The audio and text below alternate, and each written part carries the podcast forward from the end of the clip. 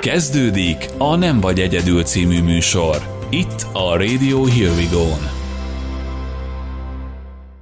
Üdvözlöm a hallgatókat, egy újabb beszélgetéshez érkeztünk el Neidert László pszichológussal. Szia Laci! Sziasztok! A mai témánk kapcsolódik az előző heti témánkhoz, ami a kivándorlás okát kereste, ma pedig magát a távozást boncolgatjuk kicsit. Kezdjünk is hozzá, milyen nehézségekkel találkozunk a távozás során. Itt szeretném megemlíteni, hogy nem csak mint pszichológus, hanem mint kivándorolt magyar is érdekelt vagy ebben a távozás témában is. Így van. Hát a saját bőrömben is meg tudtam tapasztalni, hogy ez egy nagyon nehéz helyzet maga az elvándorlás. És azért is egy nehéz helyzet, mert hogy nem az van, hogy az ember fogja magát és elvándorol, hanem az ember, mint egy rendszernek a része, abból a rendszerből kiválva távozik és érkezik meg valahol máshova. És ennek a rendszernek a többi részvevőjét is érinti az én távozásom. Egy kivándorlás az az összes résztvevőt kihívások elé állítja.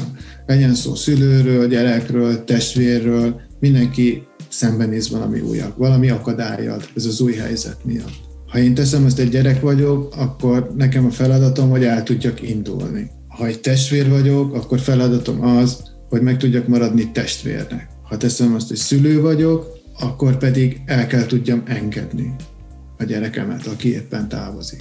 Ezek nagyon nem tűnnek egyszerű feladatoknak. Igen, ezek nem egyszerű feladatok, és azt teszi őket igazán nehézé, hogy hogy ezek nem tudatos feladatok. Tehát nem úgy van, hogy akkor valaki megkap egy feladatlistát, és akkor jó, akkor te, mint gyerek, akkor a te dolgod ez és ez. Ilyen és ilyen pszichológiai kihívásokkal kell szembenézned. Hanem ez úgy van, hogy vagy tudatosul, vagy nem. De hogy mindenképpen a tudattalanban ez ott van és dolgozik. Vagy akadályként, vagy hajtóerőként, de ez ott van. És mivel minden nagyon-nagyon gyorsan történik, mindenki éli az életét, mindenki stresszes, mindenki feszült, mindenkinek van ezer millió dolga, csak éppen az nem, hogy ezeket a pszichológiai összetevőket, ezeket a pszichológiai feladatokat tudatosítsa. És ebből szoktak aztán a galibák lenni később. Ki készítheti föl erre a résztvevőket? Hogyan készülhetünk föl erre? Mint szülő, testvér, gyermek? Hogy most vegyük azt a helyzetet, hogy valaki kivándorolt. Pont. Hát, hogy kikészíthette volna fel, ez a feltételes múlt idő, ez már igazából lényegtelen. És, és az, is a baj, hogy, hogy nem is nagyon foglalkozunk ezzel, valahogy így nincsen benne a, a, a kultúrába, a nevelésbe, hogy, hogy olyan is létezik, hogy lélek, hogy olyan is létezik, hogy érzések, és hogy és csak, nem csak azzal kell foglalkoznia, valaki elmegy, hogy hogy tervezze meg az útját, vagy hogy vigyen elég ruhát, hanem hogy lelkileg is felkészüljön. Igazándiból minden, a lényeg az az, hogy amikor ez megtörténik, és elkezdik magukat a résztvevők, általában nem egyszerre, hanem külön-külön, valamiért furán érezni, és direkt használom itt a fura szót, mert hogy megnevezni sem tudjuk, hogy mi a gond általában, tehát hogy olyan szinten nem foglalkozunk vele, akkor már mindenkinek a saját felelőssége hogy leüljön, és megpróbálja megfejteni, hogy ez a fura érzés, amit most éppen érzek a, a, fiam iránt, az anyám iránt, a barátom iránt, ritkábban ír, vagy miért nem ír, vagy miért nem válaszol, vagy a gyerek miért nem hív minden héten, vagy minden nap, akkor érdemes leülni, onnan már az én felelősségem. Akkor érdemes leülni, és akkor átgondolni, hogy akkor mi is lehet ennek az oka, mit lehet ez ellen tenni, mi történhetett, ez tulajdonképpen talán válasz is arra, hogy mi, a, mi történik a rendszerben betöltött szerepekről, amik ugye, ahogy az előbb is említetted, kicsit megváltoznak, hiszen um, kilépünk a megszokott közegből, illetve a megszokott viselkedésekből, és ezt mindenkinek fel kell dolgozni, illetve meg kell értenie, ha jól értettem. Így van, jól értetted. Tudni kellene az embereknek reagálni erre a megváltozott helyzetre, de hogy mivel általában nem is szokott tudatosulni bennünk, ezért nyilván nem is fogunk tudni rá reagálni. Ha, hanem egyszer csak azt veszük észre, hogy a rendszerből hiányzik valami, és nem ugyanúgy működik, mint ahogy eddig működött. Hiszen hogyan is működhetne, hogy hogyha valaki, aki eddig része volt, már nincsen ott. Viszont a gond az szokott lenni, tehát nulladik lépésben mindenki azt próbálja meg megoldásmódként alkalmazni, hogy a régi a régi formájában újra visszaállítani ezt az egészet. Ami nem lehetséges. Ami nem lehetséges, mert hogy is lenne lehetséges, hogyha eddig volt 7 fogaskerék ebbe, a, ebbe az órába, most meg már csak 60. De hogy ez a, ez a próbálkozás, ez azért el tud tartani egy, egy jó darabig, az emberek sokáig el vannak ezzel, hogy próbálják ezt a, a, a régi jól működő rendszer illúzióját azért egy sokáig fel lehet tartani, de hát nyilván a végtelenségig ez nem megy, előbb-utóbb a valóság mindenki ezt bekopogtat, és akkor jönnek azok a kellemetlen érzések, amiket az előbb mondtam. Hogyan lehet a kapcsolattartást akkor más alapokra helyezni, hogy ez megoldódjon ez a probléma? Ennek az egésznek az a trükkje, amihez azért kell egyfajta képesség a belátásra, vagy egyfajta erő, vagy, vagy bátorság, mindegy, minek hívjuk. Tehát a nulladik lépésben be kell látnunk azt, hogy ez már sosem lesz a régi.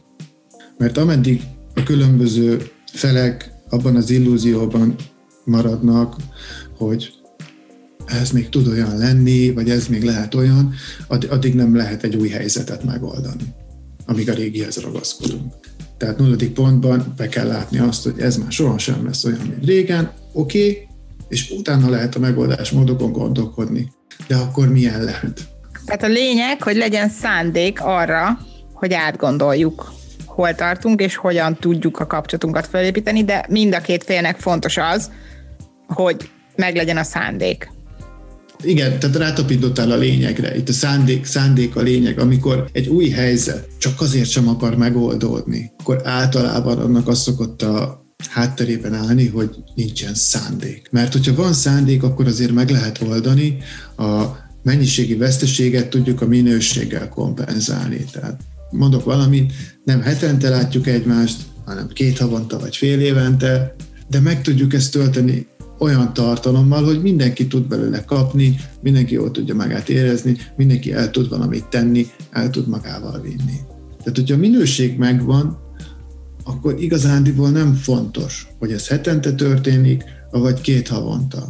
Mind ahogy az autónak is mindegy, hogy 5 literenként teszem bele, vagy 50 literenként teszem bele az üzemanyagot. Ez valahogy a lélekkel is így van, megoldható.